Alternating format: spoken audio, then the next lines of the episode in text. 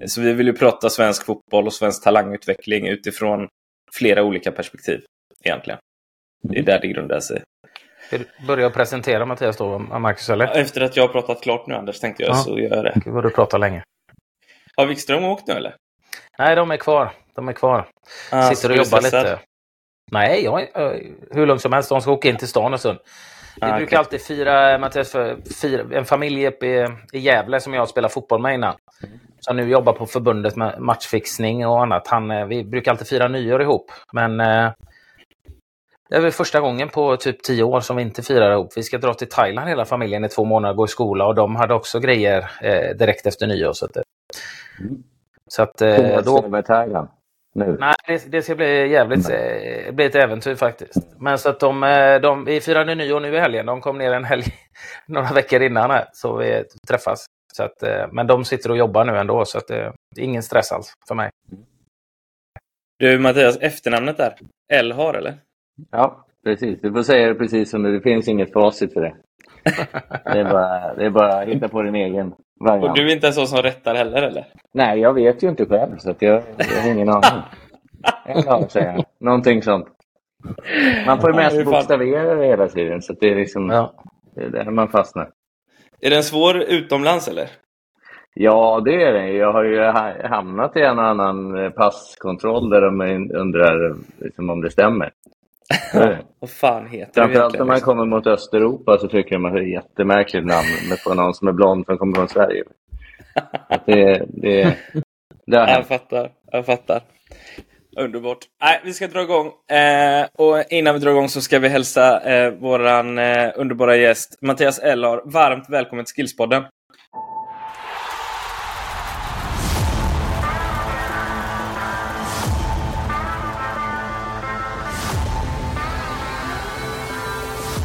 Tack så mycket.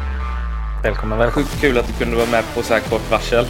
Mm. Eh, och gött att du bara tackade ja och fångade det. Det var jävligt fint faktiskt. Är det bra med det eller? Ja, det är bra. Det är bra. Det är mm. kul att bara komma in och prata lite fotboll. Jag är ingen ja. morgonmänniska i vanliga fall, så det är en anledning att gå upp. Exakt, jag är med dig där mm. fullt ut. Mm. ja, samma här faktiskt. Jag köper in på det med en gång. Du, eh, det går ju att googla på det en del eh, faktiskt och, och sådär. Och det kommer upp eh, en hel del bakgrund och vad du har gjort innan. Men jag tänkte att du kan väl få ta med våra lyssnare på hur din fotbollsresa ser ut och, och varför du är där du är idag så att säga.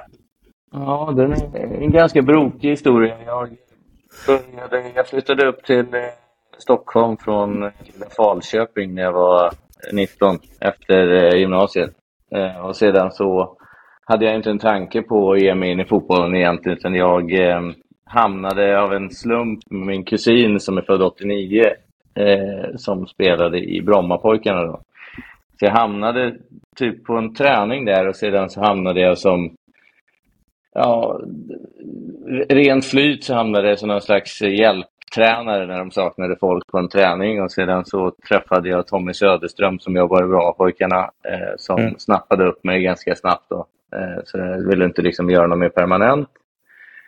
Sedan så eh, för att snabbspola så, så åkte jag runt bland olika, olika lag ute i västerort och var tränare lite, lite överallt eh, under, under ett visst antal år.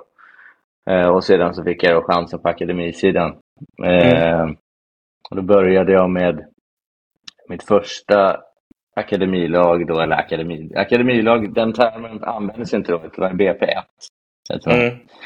Eh, Just det. Och då, då var det 97 så Sen hade jag 97 98 och 00 i, i BP och sedan så efter det så blev jag kontaktad, 2009 så blev jag kontaktad av Hammarby som erbjöd mig en tjänst eh, där jag jobbade, jobbade deltid på kansliet med att jobba med camper och kupper och sådär och sedan så hade jag också en tjänst på en, på en skola i, i, i, eh, i Liljeholmen då, med fotboll. Just det. Eh, så att då hamnade jag i Hammarby, var i Hammarby i åtta år. Eh, tränade ungdomslag där också, 04, 05, 08, möjligt. 01. Eh, sedan så av en ren slump så sprang jag in i en bekant till, sprang in i en bekant till er då, eh, 2000, vad kan det ha varit, 2017 eller någonting så träffade jag Fredrik Wester första gången. Eh, ah. Speciell figur. så att vi, det vet ni, underbar. Underbar. Ja. Eh, så att vi, vi sprang in i varandra, jag började träna hans grabbar lite grann individuellt vid sidan av och sedan så av en ren slump 2018 så började han prata om vad fan, agentur, ska vi starta en fotbollsagentur? Jag har alltid tyckt att det var lite spännande så att mm. jag kastade mig bara in i det. Eh, mm. Så, så uh, vi startade upp den och första året så var även Peter Kisalodi med där också. Då, men han, han jobbar ju numera i klubb och gick då över till att jobba heltid i Brommapojkarna efter ett år. Mm. Uh, så då blir det en intressekonflikt där så att då kunde inte han vara med i agenturen. Då. Just det. Så efter det så körde jag på den i, i, nästan fem år och sedan i april i år så, uh, vi hade pratat om det lite, li, lite innan också, så att egentligen hösten 2022 eh, så, så hörde FC Nordsjälland i Danmark av sig. Eh, dit jag flyttat några spelare då tidigare, så jag hade en relation med dem. Eh, de hörde av sig och ville ha en scout baserad i Sverige. Mm. Och då för mig så var det ett drömerbjudande. Liksom. Så att, det, att jobba för en sån klubb också är fantastiskt. Mm. För det, egentligen så var det bara att lösa log logistiska saker och sådär och se till att det funkar att åka iväg och jobba. jobba. Det är inte bara jag som bestämmer, jag har en, en sambo här hemma också som gärna ska tycka till. Eh, mm. Så att då, då, då fick jag ta det, det, beslutet och jag trivs jättebra idag. Jag har jobbat ett halvår nu med, i, i eh, FC Nordsjälland och Right to Dream. All right. Där jag är nu, exakt. Exakt. Och då, då kan man inte vara agent samtidigt, eller?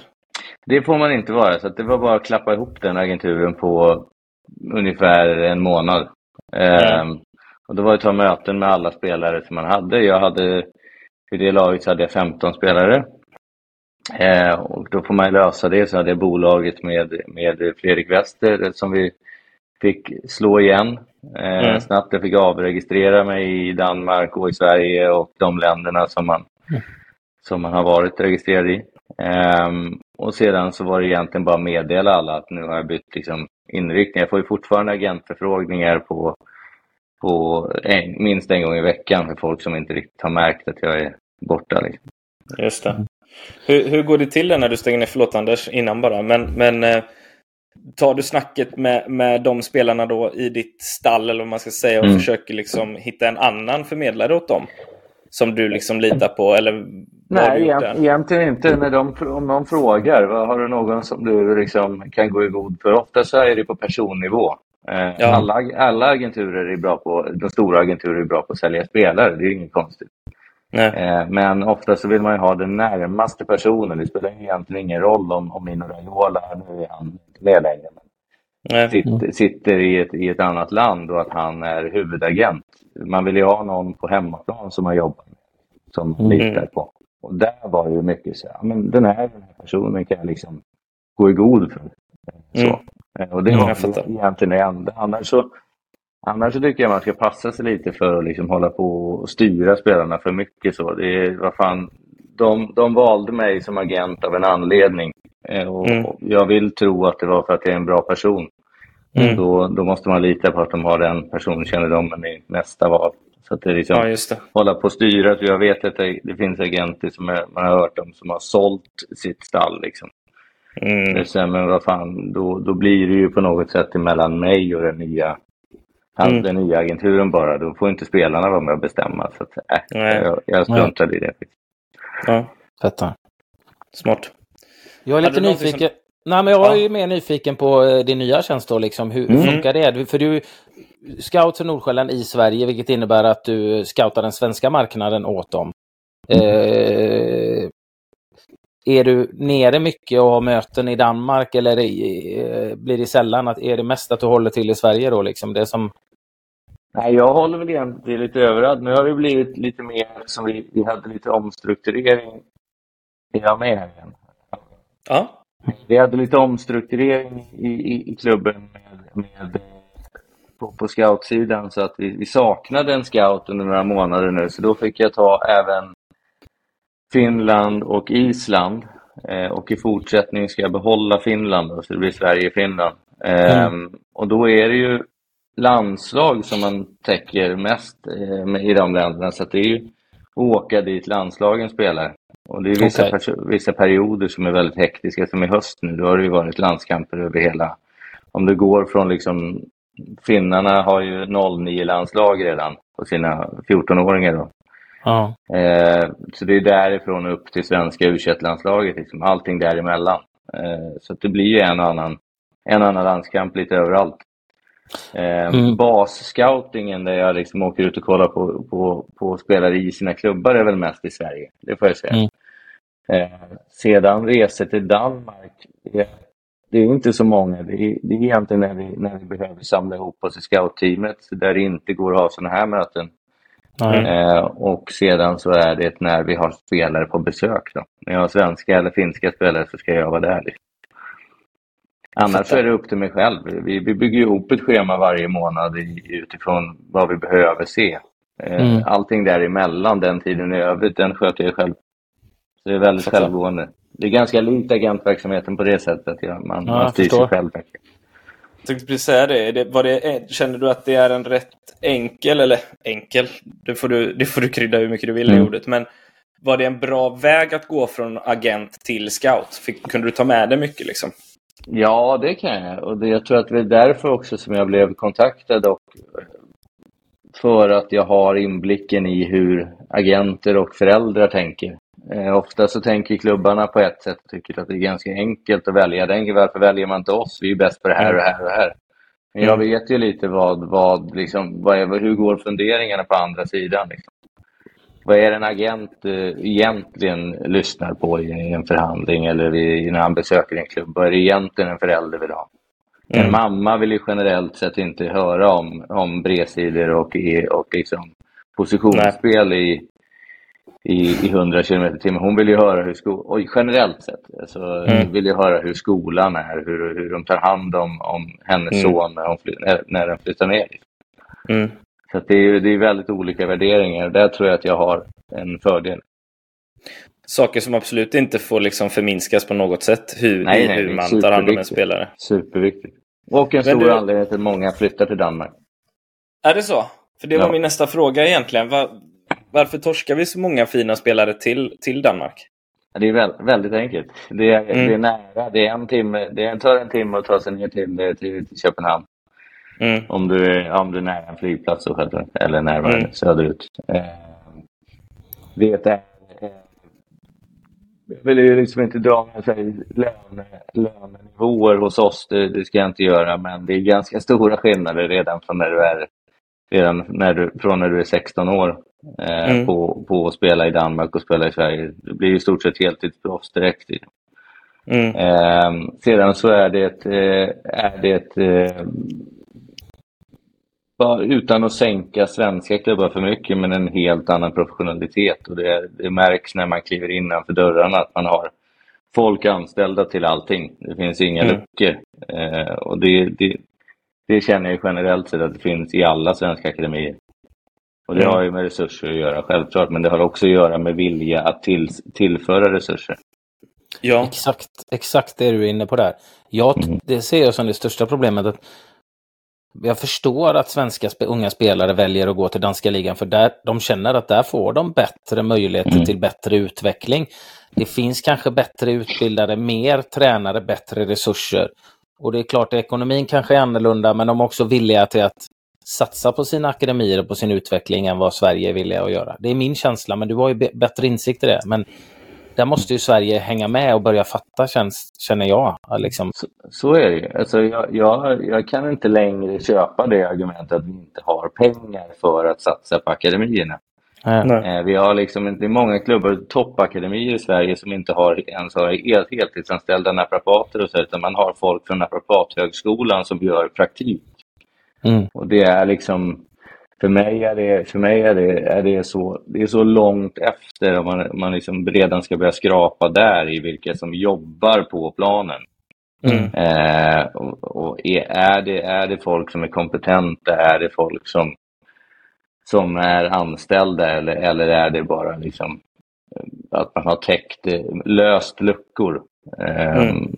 Så, så där är en stor, stor skillnad. Det känner man ju av, känner man ju av som, som förälder eller agent oftast att, att liksom, wow, det här är ju på en internationell nivå på ett helt annat sätt än vad vi gör. Det är ingen skillnad i antalet, man ska liksom räkna antalet anställda som tar hand om din son eh, så är det ingen skillnad numera på att åka till, till eh, Holland eller åka till Danmark. Det är, liksom, nej, det är, sam, det är samma nivå på akademin, minst. Mm. Hur, hur fungerar det, Mattias, du som har koll då? För någonting som jag upplever i, på, om man säger akademiklubbarna, eh, nu bor jag i Göteborg, eh, men min känsla är att eh, någonting som jag, som jag predikar är ju det här att nästan på ungdomssidan när, under den här viktiga utvecklingsfasen att där borde du ha de bästa instruktörerna och de bästa tränarna. Lite mm. som du var inne på där att man tar någon naprapat från naprapathögskolan. Lite så upplever jag ju det på ungdomslagen, eh, att man tar in unga tränare som precis har gått utbildning. De är ganska billiga och de vill jobba eh, i en klubb, liksom vill ta hand om ett lag. Mm. De är drivna för att göra sin egna karriär och de kostar inte speciellt mycket. De har kanske ingen erfarenhet. De kan vara duktiga och bli jätteduktiga tränare, men att det är lite den vägen man går istället för att jobba med etablerade tränare som, som verkligen är riktigt duktiga instruktörer och fotbollskunniga och välutbildade som utbildar de unga spelarna. Hur fungerar det i mm. Nordsjälland till exempel? Är det unga tränare som har hand om ungdomslagen eller är det etablerade som är nöjda med att vara i, i U15 eller vad det nu är? Nej, det är ju för det första så är det inga, det är inga föräldratränare någon gång. Eh, utan det är, ju, det är ju folk som är, som är rekryterade för att vara tränare från jag tror att det är, nu, nu vet jag inte exakt vilken ålder det övergår, men vi har ju en, en klubb som heter BK Farum som kör lagen upp till, de är 13 tror jag. Sedan mm. så går vi över till Nordsjälland då. Det kan vara 13-14. Eh, men även i Farum så är det ju tränare som är avlönade. Liksom. De är inte mm. heltidsanställda på, på allihop, självklart på, på pojkar 10. Liksom. Men, Nej. men det, är, det är rekryterade tränare och det har, det har ju också eh, det, är, det är inte folk som är inslängda bara, utan man, man har en rekryteringsprocess för allting. Eh, och det är välscoutat även vilka som är tränare på, dem, på alla lagen. Liksom. För att återvända till det du säger där med, med etablerade, ofta, ofta så är det ju så att i Sverige så finns det en tradition av att det, det finns ingen status kan man säga i att vara tränare på yngre lagen. Nej. Eh, så att när Exakt. du kommer som gammal spelare och kommer in i en klubb så märker du ganska snart att ska jag ta mig fram här så är det på de äldre lagen.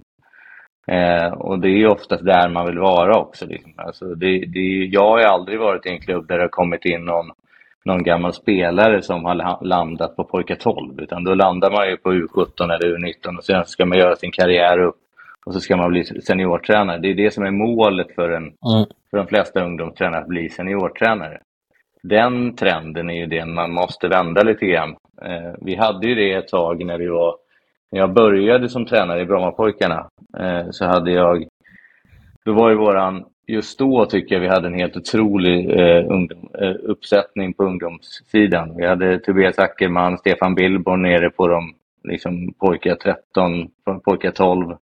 Vi var ett gäng som körde lagen under. Eh, mycket internutbildningar. Eh, Billborn är ju ett uppslagsverk, liksom, det vet ju alla. Ju mm. liksom, mm. han, han, skapade ju mycket av det som är BP idag i spel. Hur de spelar i alla fall. Mm. Eh, och sedan så hade vi Kim Bergstrand och Ola Larsson på U17 och U19. Liksom. Eh, ja. Samtidigt. Så det var, det var ingen av dem kände som att man hade driv att man liksom nästa år måste jag vara i A-laget, annars drar jag. Idag, idag, är det ju generellt så, så det är så lätt att hoppa på en annan vagn. Liksom. Eh, när vi var nere i, i, när jag var nere i, jag besökte Ajax säkert fem, tio gånger, ja, mellan fem och tio gånger. Eh, och eh, varje gång man kommer ner dit så slås man av att man liksom någon, vi var nere och tittade och så, så såg vi på en träning så kände vi igen en, en, en gubbe som gick och plockade koner åt en mycket äldre farbror. Och så stannade vi upp och så tittade vi, fan är det Dennis Bergkamp som går liksom och plockar pojkar 11 liksom. Um, så han, han ja. var ju då ass innan han kommer in och liksom får sina tjänster så ska han vara med gamla tränaren för att fostras in, skolas in. Du kan inte bara komma in och få ett U19 direkt. Liksom. Utan man måste faktiskt eh, man måste veta hur klubben fungerar, måste ta till sig DNA, även om man har spelat där länge. Så måste man ta till sig det som tränare. Och sen så får man gå vidare. Eh, och den traditionen finns inte överhuvudtaget i Sverige. Den är, den är liksom att man skulle gå ner som liksom pro, pro, pro, profiltränare och, och ta, gå ner och ta pojkar 10 någonstans. Och, nej, aldrig. Mm. Aldrig. Så det, det, att... det, det, är på väg åt det hållet i Danmark i alla fall. Där har vi, det finns en annan, en annan, det finns inte den här stressen att alla sticker om man inte blir befordrad. Utan man, Nej. Du har tränare på de yngre som är där för att vara specialister på de yngre. Det känns också som att det är en så längre liksom Folk verkar inte, eller folk, nu, nu höftar jag här bara, men, men att man inte greppar Alltså är du, är du huvudtränare för ett seniorlag så räcker det ju att du, att du vinner serien eller kommer topp tre eller något sånt där. Så har ju du kvitto på att ja men fan det här var en bra säsong. Mm. Men, men det tar så mycket längre tid för en ungdomstränare att få ett kvitto på att man har gjort ett bra jobb. För du måste se den här 16-åringen ja. eller 15-åringen nå ett seniorlag till exempel. Ja, det, och det händer ju aldrig för att efter, efter liksom 8-10 år då har du blivit klubb. Då är det någon annan som ja. tar cred för ditt jobb. Så har det varit. Exakt. Det, Exakt. det är liksom de som är i Hammarby nu som sitter, sitter och tar cred för, eh, för, eh, för akademin. Det var det jobbet jag och de andra tränarna gjorde för 7-8 år sedan. Mm. Det är de spelarna som kommer så. upp nu. Ja. Exakt, och då kan man inte vänta på det kvittot riktigt för att du vill, hela tiden vill uppåt. Och det blir ju också, jag tycker också att det blir en, en hel klubbs ansvar egentligen att se till att klappa lite extra på ryggen när du har utvecklat en spelare som har gått alla stegen och sen tagit sig till seniorverksamheten. Då måste det ju finnas, det måste, man måste ju mäta det på något sätt. Liksom så att Ja, men fan, det var faktiskt det jobbet gjordes här. Sälis, vart går pengarna då? Inte ett öre går tillbaka till dem som har hjälpt dig idag. Nej. Det, nej, det, nej. Är, så det är den bittra sanningen. Mm. För låg, låg status och för låg eh, prioritering i, eh, ja, på tränarna och ledarna runt i ja. akademierna. Men mm. är det någonting annat du känner som är skillnad eller som man jämför Sverige och Danmark? Hur man tränar eller vad man fokuserar på? För eh, just, det känns som det är lite tunt om man tittar på ungdomssidan i Sverige. Eh, man tittar, man, eh, tittar man resultat, vilket jag inte vill göra, men tittar resultat så går det inte jättebra för de svenska mm. landslagen. Eh, ganska generellt, generellt ja. sett, både på flick och pojksidan egentligen. Mot mm. länder som vi normalt sett brukar ska slå. Mm. Ja, så är det. Nej, det, det är väl som du säger, det, det är kanske inte jätteviktigt vad, hur det blir i, land, i landskamperna första året, liksom när, man är, när man är 15 och man förlorar någon match. Så, men däremot så, så när man över fem ålderskullar efter varandra aldrig slår Finland utan förlorar med fyra bollar varje gång vi möter dem, mm. eh, för att hårdra det, då, då, kanske man behöver se ett mönster. Alltså, är det bara att vi är, att vi är ett år efter i selekteringen, det gör det, eller är våra spelare faktiskt inte tillräckligt, på tillräckligt bra nivå för att möta Finland. Liksom. Mm. mm. Eh, och då är inte, ska inte Finland vara en benchmark i fotboll, tycker jag. Ännu. Nej. Det är, liksom, eh, så, så det, det, det, är klart att någon, någonting gör dem bättre. Om jag talar för Danmark så har man ju, har man ju toppspelarna som finns. I, i varje ålderskull finns det ju liksom två eller tre kanonspelare. Det finns även i Sverige eh, och det finns i Danmark också. Men, men den stora bredden i att man faktiskt kan ha ett landslagsläge med 60 spelare, det har de inte i Danmark nu, men 40 spelare då. Eh, därför alla 40 faktiskt är bra. Eh, mm. Alla 40 konkurrenskraftiga. Det har vi inte på, i ett svenskt landslagssamling. Där har vi kanske 15 som är bra och sedan så är det så är det en fallande skala. Så bredden av bra fotbollsspelare, där gör vi inte tillräckligt bra jobb. Och hur kan vi göra det bättre? Varför är det så, så då jämfört med Danmark? Vad gör, vi, vad gör de så mycket bättre än oss? De har ju en annan kultur. Då. Enligt mig så, jag har ju alltid varit fascinerad av Danmark. Min idol var ju Mikael Laudrup när jag växte upp liksom. Den typen av spelare liksom som vi egentligen inte är så intresserade av att få, få fram, eller i alla fall inte tidigare har vi inte varit, utan vi har ju jobbat, har en annan kultur och vad, vad det är vi gillar för typ av spelare, vilket jag kan vara kritisk till att det är brist på kunskap hos eh, ledare och tränare. Men jag upplever att vi har fokuserat väldigt mycket mer på just storlek, storlek och fysik i, i svensk mm. fotboll än, än eh, Danmark. liksom.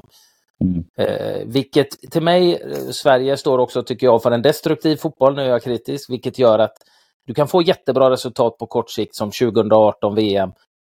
Men förr eller senare så hamnar du där om du inte har något eget spel eller du inte kan skapa någonting på egen hand. Danmark har ju en helt annan kultur där. Men vi är, vi är väl schizofrena i Sverige vad jag tycker. Att vi, vi, har ju, vi har ju ett landslag som spelar väldigt, som du säger, primitivt. Man har tränare som, som fostras i den fotbollen i utbildningarna. Yes. De, blir, de blir nya liksom, kopior av varandra. Och sedan, Exakt så känner jag. Sedan, sedan har du samtidigt ett, eh, haft ett tryck nu på att alla ska vara som Alexander Isak och Dejan Kulusevski. Mm. Det, är, det är de spelarna som alltid ska in och media, liksom, de ska fram. Men samtidigt så har vi den här modellen. så att det är, det är ju, det är ju det är ett ohållbart, eh, liksom, den, den, den eh, det går inte att spela på det sättet med bara de spelarna. Det, det förstår man. Det har man ju sett hur det har gått för landslaget nu. Men, men, mm. men ska, du, ska du utvecklas så kanske vi ska gå åt, gå åt att, som du säger, spela lite mer kreativt och, och faktiskt anpassa oss efter, efter de spelarna vi har nu. Eh, men då måste vi också träna som klarar av det. Mm. Det är lite det jag hävdar med all respekt för Janne och, Janne och övriga eh, tränare och sådär. Men när man skulle försöka förändra och spela lite mer modernt ut efter de spelarna vi har som, som är bäst. Mm. Så, är det inte att spelarna inte klarar att spela det utan det är mer att ledarna kanske mm. inte klarar av det. De ledarna som är där. Det, det, det, är ett spelsätt som de inte löser oavsett eh, vad du har för sifferuppställning. Så, så det är ett spelsätt som de ledarna inte riktigt är bekväma med. Eh, så att... Eh... Det känns fortfarande som att 4-2-3-1 och 4-5-1 och 4-3-3 och så är, är lite nytt hos svenska fotbollstränare. Mm. typ. Trots att det har funnits i hur, hur många Man bara slänger ut spelare på plan, information och sedan så får de lösa det då. Det finns inte mm. samma grundtrygghet som det fanns i att styra ett 4-4-2 som fortfarande är liksom, mm. stabilt mm. i folkhemmet. Mm. 4-4-2 enligt mig är ju ganska, visst du kan, du kan flexibel om du har smarta, duktiga spelare, men 4-4-2 är ju, jag förstår att det är grunden i allting, för det är ganska enkelt och rakt att lära ut och ganska enkelt att lära sig grunderna i det. Eh, 4-3-3 eller ja, siffror, egentligen vill jag inte prata om siffror, det blir sådär, men just det är mer kreativa, konstruktiva spelet, det är ju svårare. Det kräver ju mycket mer spelförståelse ja, att, att lära sig det. Men jag blev ju, jag tappade ju nästan hoppet helt när var det Österrike-Sverige. Mm. Jag tror mm. Sverige inte en enda gång försökte spela sig, spela sig från egen backlinje, spela sig upp. Utan det var bara upp mot Isak och Kulusevski. Man sätter dem, och det är mig svenska modellen har varit, de två bästa spelarna, det ska vara forwards och så ska de involveras så mycket som möjligt. Men det är, det, Alltså slå bollar upp på Kulusevski och Isak långbollar så ska de förhoppningsvis vinna första eller andra bollen och sen skapa någonting. Ingen av dem är ju sådana spelare heller liksom. Kulusevski enligt mig är en av världens bästa högeryttrar. Jag, alltså, jo, men det... honom i de situationerna som han får i Tottenham liksom. Det är ju det du vill ha. Jo, men jag, mm. tror, jag tror att man, man underskattar eh, hur mycket kunskap det finns. man tar, man liksom tar extremt exempel med Guardiola då, som har ett mm. fantastiskt anfallsspel och liksom, eh, alltid har bollen i anslag. Och så. Det är ju, det är ju, man, man blir för, för, förundrad över hur, hur fint det kan gå. Det går på ett pärlband bollen och sådär. Men det där är ju intränat. Mm. Alltså, det, det, är ju, det är ju inte så att det går av en slump att han slänger ut de här spelarna offensivt när du har en svensk, eh, ett svenskt, även i landslaget, man, man har hört det, så det, när du har ett svenskt lag som anfaller, då är instruktionen från sidan är oftast kör. Mm. Det, är liksom, det är ju den, kör! Mm. Det är, det, medan när du är i försvarsspel och, och motståndaren har bollen på din, då har du, du, du instruerar du instruerar backlinjen hur de ska röra sig, du instruerar 6 och 8, hur ska ni liksom säga, då är det väldigt mycket. Men när du kommer på offensiv planhalva, kör bara. Mm. Det, det, är liksom så här, vad fan är det? Hur, har, vi, har, vi inga, har vi inga mönster i hur vi vill anfalla? Alltså har mm. vi inga, inga tankar i att jobba relationsmässigt om spelarna längst fram, utan det är bara kör. Så, mm. det, var, det, var, det var lite det som när jag tappade i Europa League när vi blev utspelade av eh, Salzburg var det tror jag. Eh, kan det ha varit det eller var det? I, eh, Tänker du på ni som i Elfsborg när du spelade? Nej, i Elfsborg, ja. De hade visserligen Mané bland annat, så, så, så de hade ett jävla bra lag. Men du, det var ju då jag... Men, och det, det står jag fast vid. Så var det då. Vi snackar eh, 2013 kanske. Men jag upplever att det är, utan att vara helt insatt, att det är för mycket åt det hållet fortfarande. Jag säger att vi, vi fokuserar 80 procent av våra träningar vad vi ska göra när motståndarna har bollen. Vilket gör att när vi själva har bollen, då, då, vet vi inte egentligen vad vi ska göra. Och som du säger, det är inga, inga mönster, ingen ty tydlighet, utan då är det mer upp till var och en liksom att lösa situationer. Du har din roll på plan, men det finns inga linjer, inget mönster. Däremot försvarsspel, det, det nöter vi 80 procent av träningen. Jag var ju oerhört kritisk. Jag vet att det är många tränare som gillar det. Men jag, jag såg ifrån, när vi tränade anfallsspel var vi 10 mot 0. Mm. Visst, du kan hitta linjer i det, men för mig så är det ju, du gör ju en rörelse för att dra med en spelare för att hitta och sen så får du hitta tajmingen och hitta var i hålen, var kan du röra dig? För vad motståndaren rör sig påverkar vart jag rör mig för att få bollen eller för att öppna en yta för någon annan. Men sen sa det liksom, men då kan vi försvara 10 mot 0 också då? Nej, men det går ju inte, det är inte realistiskt. Nej, och jag, det menar jag, liksom, försvarsspel då är det ofta så här, ja, men vi är 6 mot 8, vi ska jobba backlinjen och två defensiva mittfältare och så vidare. Men anfallsspel så var det väldigt ofta 10 mot 0 liksom. Eh, nej, jag, jag hör dig och jag håller med. För mycket... Den har vi snackat om innan, men den är ju pinsam faktiskt, 10 mot 0. Men det, krä, det krävs eh, kunskap hos tränarna för det här. Det måste de få från, från eh, nu är inte jag, jag är inte topputbildad tränare på något sätt, men vi har ju, de utbildningar jag gick, vi pratade ju aldrig om anfallsspel för att det, det, är liksom, det är någonting som man, som man löser och in med bollen i boxen. Liksom. Mm. Utan det, det, det, och du tränar aldrig mönster och du tränar aldrig... Och det är någonting som du ser. Möter du, möter du ett danskt lag när de är 13-14 år så har de spelmönster offensivt. Eh, möter du våra lag så, så har vi, vi har ett visst antal visst antal situationer på, på när sexan får bollen, när åttan får bollen, när tian. Vad, vad gör man? Hur ser mönstren ut? Och då vet spelarna runt omkring hur man rör sig i förhållande till de andra spelarna. Så mm. tar en en löpning, då vet nästa vad, vilken lucka man ska fylla och, och så och, och det är ju intränat. Det, är, det tränar ju våra lag på liksom, från när de är små. Det är, mm. det är ingenting som bara liksom, råkar sitta för att man har en jävligt bra spelare. Sen så tror jag att vi kan få fram en Dejan Kulusevski ändå, för han, han, gillar, alltså han är ju fantastiskt bra med bollen själv också. Mm. Eh, men, men att få fram en bredd av bra, intelligenta, offensiva fotbollsspelare, det må, då, då måste vi skärpa oss. Absolut.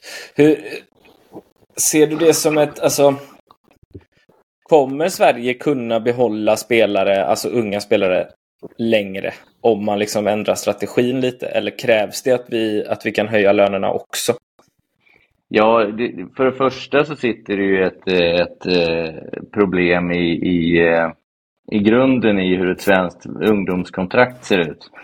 Mm. Det, är ju, det är ju en minimigräns på 10 000 per år per spelare mm. som är det, det, är alltså lägre gränsen på vad som krävs för att vara en professionell fotbollsspelare och för klubbarna att skriva kontrakt med dig. Det är 850 kronor i månaden om jag räknar rätt.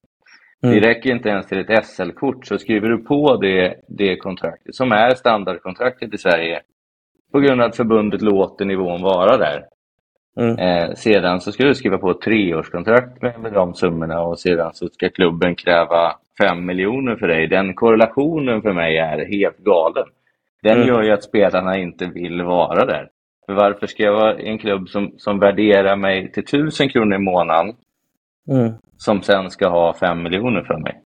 Alltså, mm. Det sitter ju inte ihop. Om du är en spelare som är värderad till fem miljoner helt plötsligt, då borde du ha en lön som motsvarar det. Mm. Eh, så, så att man känner att den här klubben satsar på mig.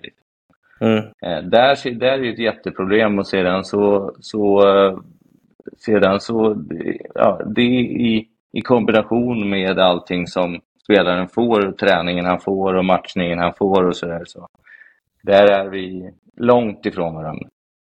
Um, plus där... att de fem, eh, sorry, men plus att det känns som att eh, de fem miljonerna som kommer in på en sån eventuell försäljning hamnar ju inte i akademin mm. sen igen. Nej, mestadels. Så det, det är klart att man har hört om någon krona som har spilt ner, men det är absolut inte... Mängden handlar ju, handlar, handlar ju oftast om att fylla hål i verksamheten i övrigt. Mm.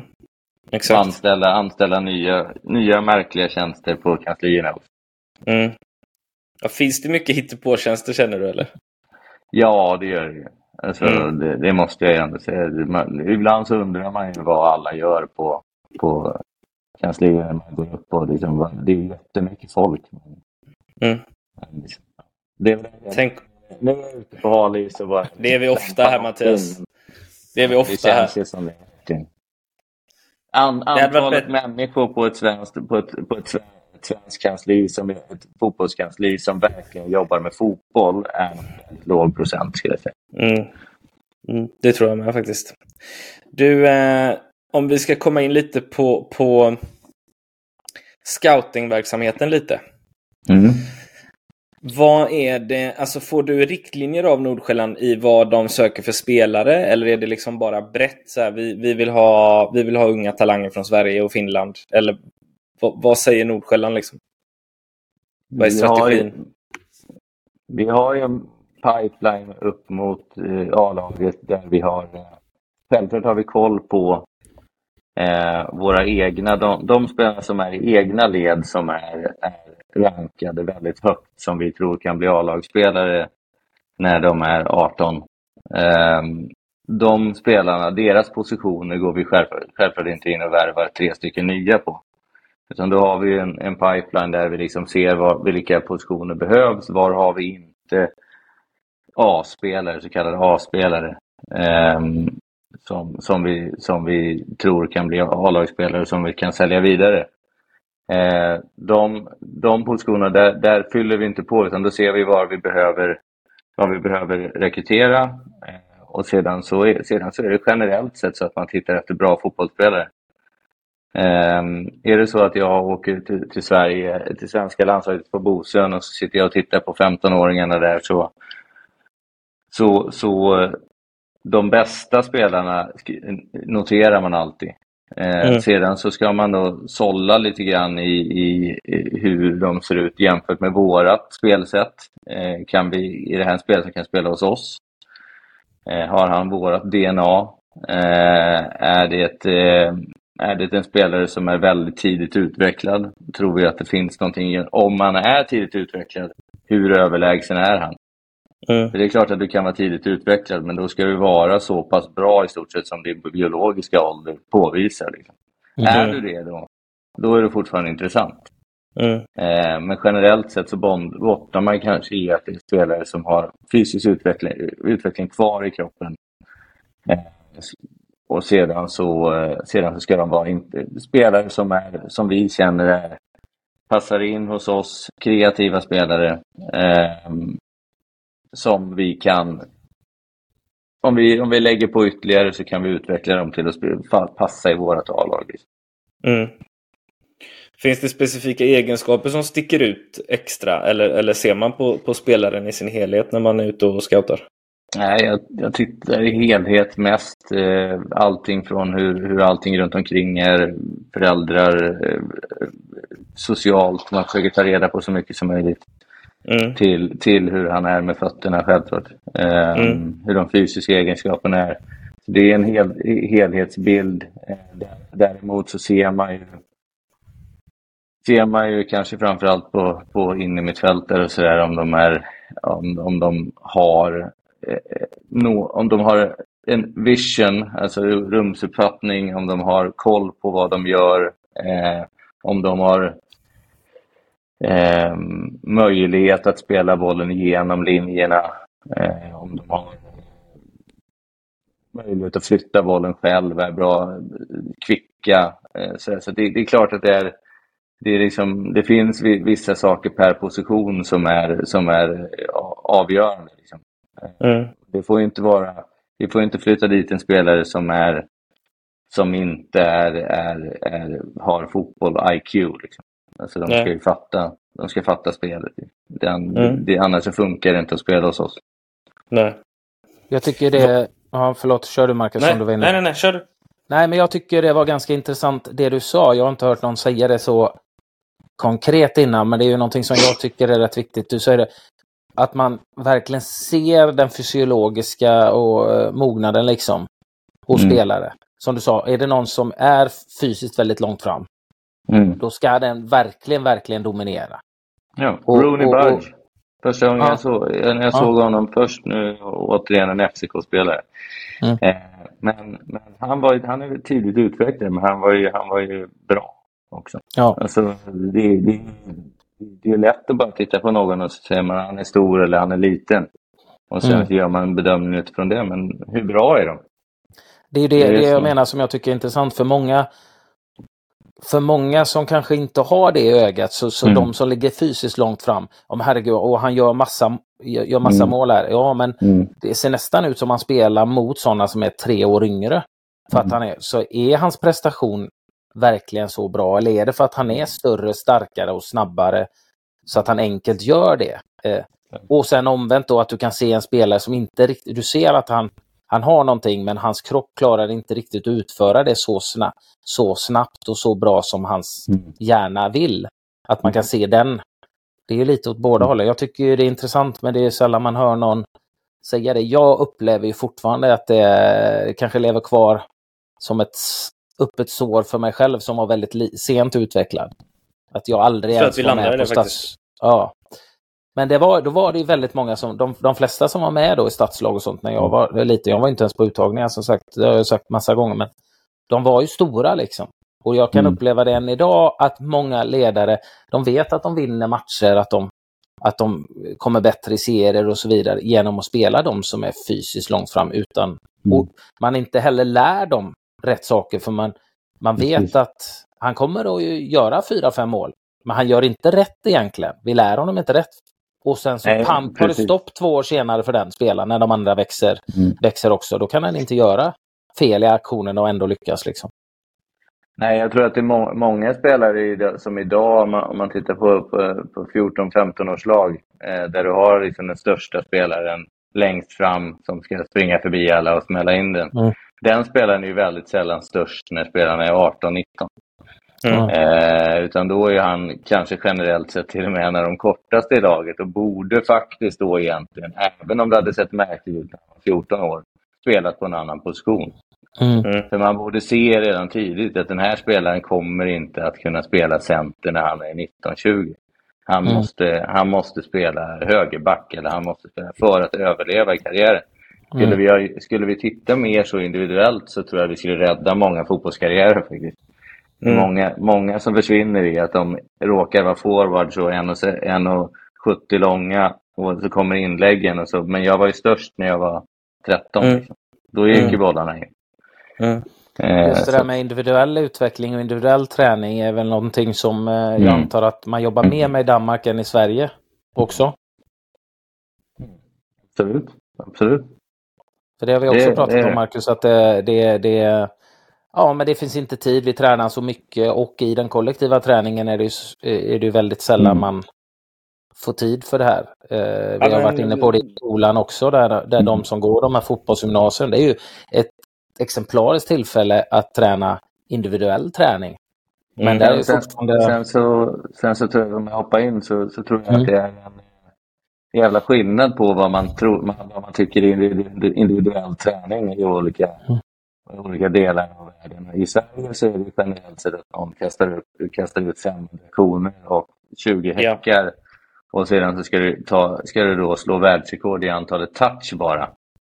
Eh, och så, så är det egentligen, ja, du har tränat på de färdigheterna men du har inte, du har inte lyckats träna på någonting som kanske har vad det, det du ska göra precis på planen. Om, om du tittar på en individuell träning som bedrivs kanske nere i, i, hos oss så är det väl kanske lite mer ute, baserat utifrån positioner och vad, vad bör man tänka på här. Och man kan faktiskt träna på, har du tre, tre fyra spelare så kan du träna på vissa positionsgrejer också. Eller tre, fyra mm. spelare mm. I, i en grupp. Liksom. Istället bygga matchlika situationer. Ja, alltså det är fortfarande fotbollsrelaterat. Jag tror den här liksom den, den här extrema, extrema individuella träningen som vi håller på med här uppe med liksom bara en, en jävla massa grejer och, och, och en jävla massa touch till höger och vänster. Den, den är bra till en viss nivå, men kanske inte, kanske inte ger så jävla mycket på en 15-16-åring längre. Så, om jag ska vara helt ärlig. Mm. Anders, vad säger du där? Nej, men jag har ju hävdat det att jag, jag, jag, tycker ju alltid att, som du säger, att jobba med tre, fyra spelare, jobba med olika moment mm. ut efter vad du behöver jobba på. Och det är inte bara det som jag sagt, det, många i Sverige så har du också individuell träning, så det är oftast om du har en svaghet så ska du träna upp den. Mm. Men jag gillar ju de som har en spec. Är det någon som är jävligt duktig en mot en till exempel, Kulusevski kan vi ta som exempel som jag tycker är fantastisk. Liksom, du ska, ja, du ska bli ännu bättre där. För går du, går du förbi tre av tio gånger, då har vi tre målchanser. Mm. Liksom, du ska, I Sverige känns det som, oh, du är dålig på det här, du är dålig på att försvara, du måste träna på det. Mm. Eh, och eh, jag menar, och sen, Var inne och sågade hela, hela, hela er verksamhet eller?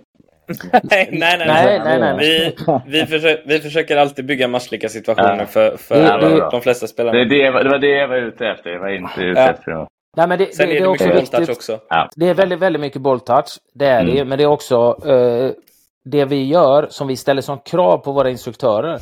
Att det, du kan inte bara göra en jävla massa touch med häckar och koner och mm. sånt, utan det ska vara match, matchlika saker som Precis. blir så att du får träna upp din funktionella teknik liksom, så att det är mm. någonting som du har användning för. Annars, mm. är ju, annars är ju det individuella passet egentligen inte meningslöst, men nästintill. Och Ska du träna så måste det ju vara kvalitet i den träningen. Och då måste det ju vara, göras matchlikt eller ja, specifika aktioner och så vidare. Så att, eh, mm. det här är ju extremt viktigt. För du kan ju träna individuellt som du säger och det gör väl folk, men är kvaliteten på den individuella träningen tillräckligt bra? Det är frågan.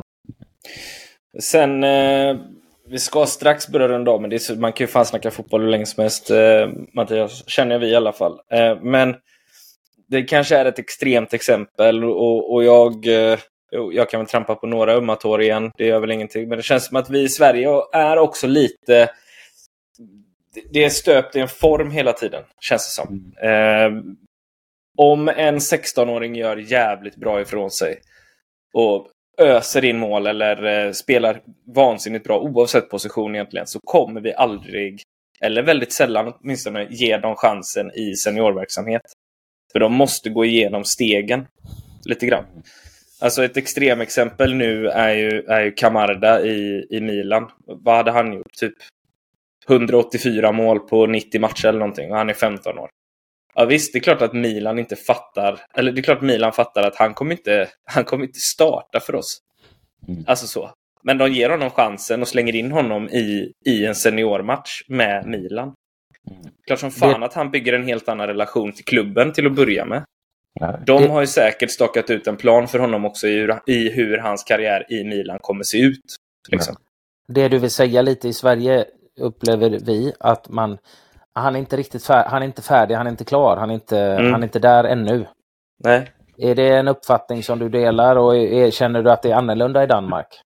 Ja, den, den, klubben jag är i, vi är ju ganska extrema i Nordsjälland. För att vi har ju, mm. vi har ju, jag tror för något år sedan så hade vi världens yngsta trupp eller någonting. Ja. Mm. Medelålder på 21 år. Liksom. I år är den mm. lite högre för att vi dubblar i Europa. Då. Eh, men, men generellt sett så tycker jag att det, det, när man kommer ner till Nordsjälland, redan från du kommer ner på ett provspel om du är 16. Tränar inte U17 den, då tränar du med U19. Eh, och det, mm. det är upp, öppna spjäll eh, mm. och det är även öppna spjäll mellan A-laget och U19. Mm. Eh, på ett helt annat sätt. Att alla, mm. I stort sett alla U19-spelare tror, tror jag har en känsla i EFC Nordsjön att jag kan hamna i A-laget nästa match. Om det är mm. så att det behövs. Eller mm. om det är så liksom att det finns en lucka någonstans, då är jag uppe. Eh, och, där, och då blir det liksom inte någon så extrem hierarkisk situation utan alla, alla är bra fotbollsspelare, alla känner sig. Sen har ju det med kvaliteten att göra i truppen självklart. Såklart. Mm. Eh, men men ja, de, de, de exemplen som jag har själv på, på, på spelare som jag har flyttat dit, med Daniel Svensson gjorde sin hundrade match för FC Nordsjälland. Ja, han måste in i landslaget snart. Han, han, är, fan, han är, när han var 20 år gammal gjorde han sin hundrade match i, i ja. FC Nordsjällands A-lag. Det är ganska mycket.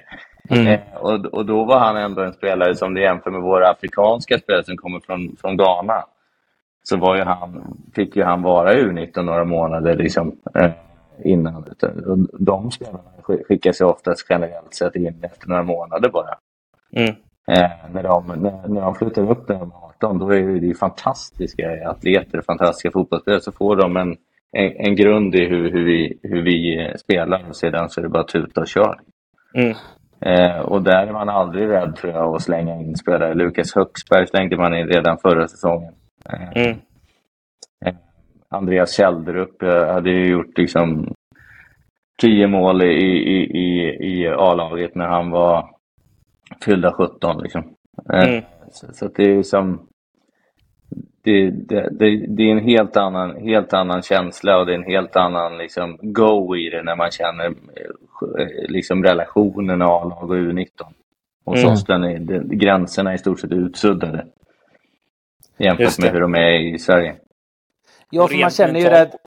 Ja, det bara känslan är att det ska krävas krävas nästan som ett underbarn likt eh, Lukas Bergvall för att du ska få chansen i 17-årsåldern i Sverige.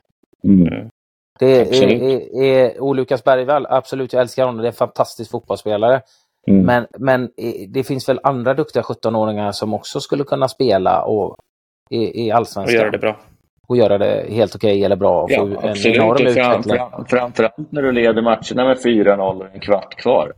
Mm. Då slänger man ju oftast in den som man slänger oftast in sina äldre spelare för att man vill inte ha konflikter i omklädningsrummet istället. Exakt, mm. spot on.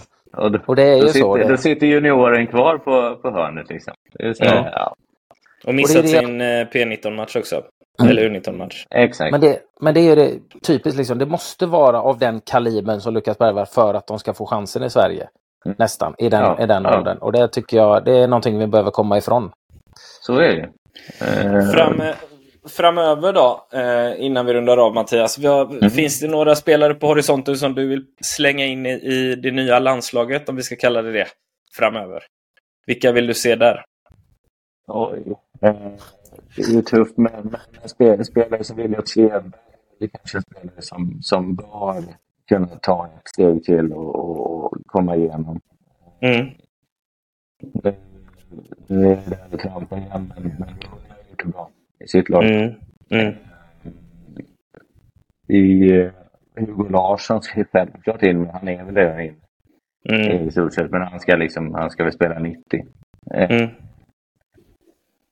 Sen, sen är det, det så problemet är ju att det, det, det är inte liksom översållat med... Eh, vi, vi får det kanske verka som att vi har bra återväxt och så men den är inte så jävla bred. Så att det är liksom... Nej de här spelarna som man är säker på ska in i, i ett landslag. Jag pratade om Lukas Bergvall. Han har, han har mycket bra möjligheter att göra det på. Mm. Um, han du pratade om precis, som jag velat ta in länge. Vem? Daniel Svensson? Vänsterbacken? Ja. Ja, absolut. absolut. Det är en spelare alltså, det... Det, det, det kryllar ju inte av ytterbackar i, i svenska landslaget nej, på hög kvalitet. Liksom. Det är en kreativ ytterback också. Exakt. Uh, vi har, vi har eh, en 04 som kommer yngre där som heter Jonas Roy som är väldigt duktig. Mm. Är han kvar i Juve eller? Eh, ja, det är han väl. Det tror jag. Ja. Det var det senaste. Han gick dit tidigt va? Han gick dit när mm. han var 16. Mm. Just det. Nej, men det, så det, det, kommer, det kommer lite spelare, men det kommer inte så jävla... Det kommer ingen lavin. Det, Nej. Det, är det, det är ingen bredd av toppspelare liksom? Som Nej, bredden, det är bredden på toppen som. Så mm. liksom, då, då är det lättare att kanske våga uttala sig om dem. För att det är en spelare som, som Lukas Bergvall, om man, har, man säger att det är den enda, enda innermittfältaren som vi har som liksom så här, han, borde ju, han borde spela i A-landslaget eh, mm. inom kort. Ja. Så mm. då, det, det är inte det blir ganska mycket som ligger. Det är 100 procent eh, liksom på honom. Man vill mm. gärna ha en, man vill gärna ha, som i, i Danmark finns det fem, sex stycken som åtminstone skulle kunna räkna upp som borde spela som är 17 eh, till 19 mm. eller 16 till 18 som, som, som bör kunna spela i A-landslaget. Och då har de ett mm. bättre landslag. Mm. Det... Just det. Ja, nej. vi får hoppas att den här trenden vänder på något sätt. Eh, och Absolut. att eh, klubbarna väljer att gå ifrån eh, den här 10-procentiga schablonpengen eh, på omsättningen mm. varje år som ska till eh, akademin. Kanske dubbla den rent av. Eh, tror mm. Malmö har gjort det, men jag vet inte nu. jag låter det vara osagt. Men vi hoppas att vi går dit i alla fall. Och så kanske vi tar en ny check-in om, om, om ett halvår eller så, Mattias, och ser hur, hur läget är då. Gör så. Underbart. Eh, grymt kul att snacka med dig Mattias. Eh, vi säger tack för idag. Och när detta släpps så är det faktiskt eh, den 25. Så vi säger väl eh, god fortsättning och gott nytt år va? God fortsättning och gott nytt år. Underbart. Ja, det är. Jag skulle säga god jul men det, ja, det är ju inspelat innan så jag säger god jul ändå. Ja, god jul också. God jul. Underbart grabbar. Vi hörs av. Grymt, det gör vi. Bra. Ha det bra Tack så mycket. Hej.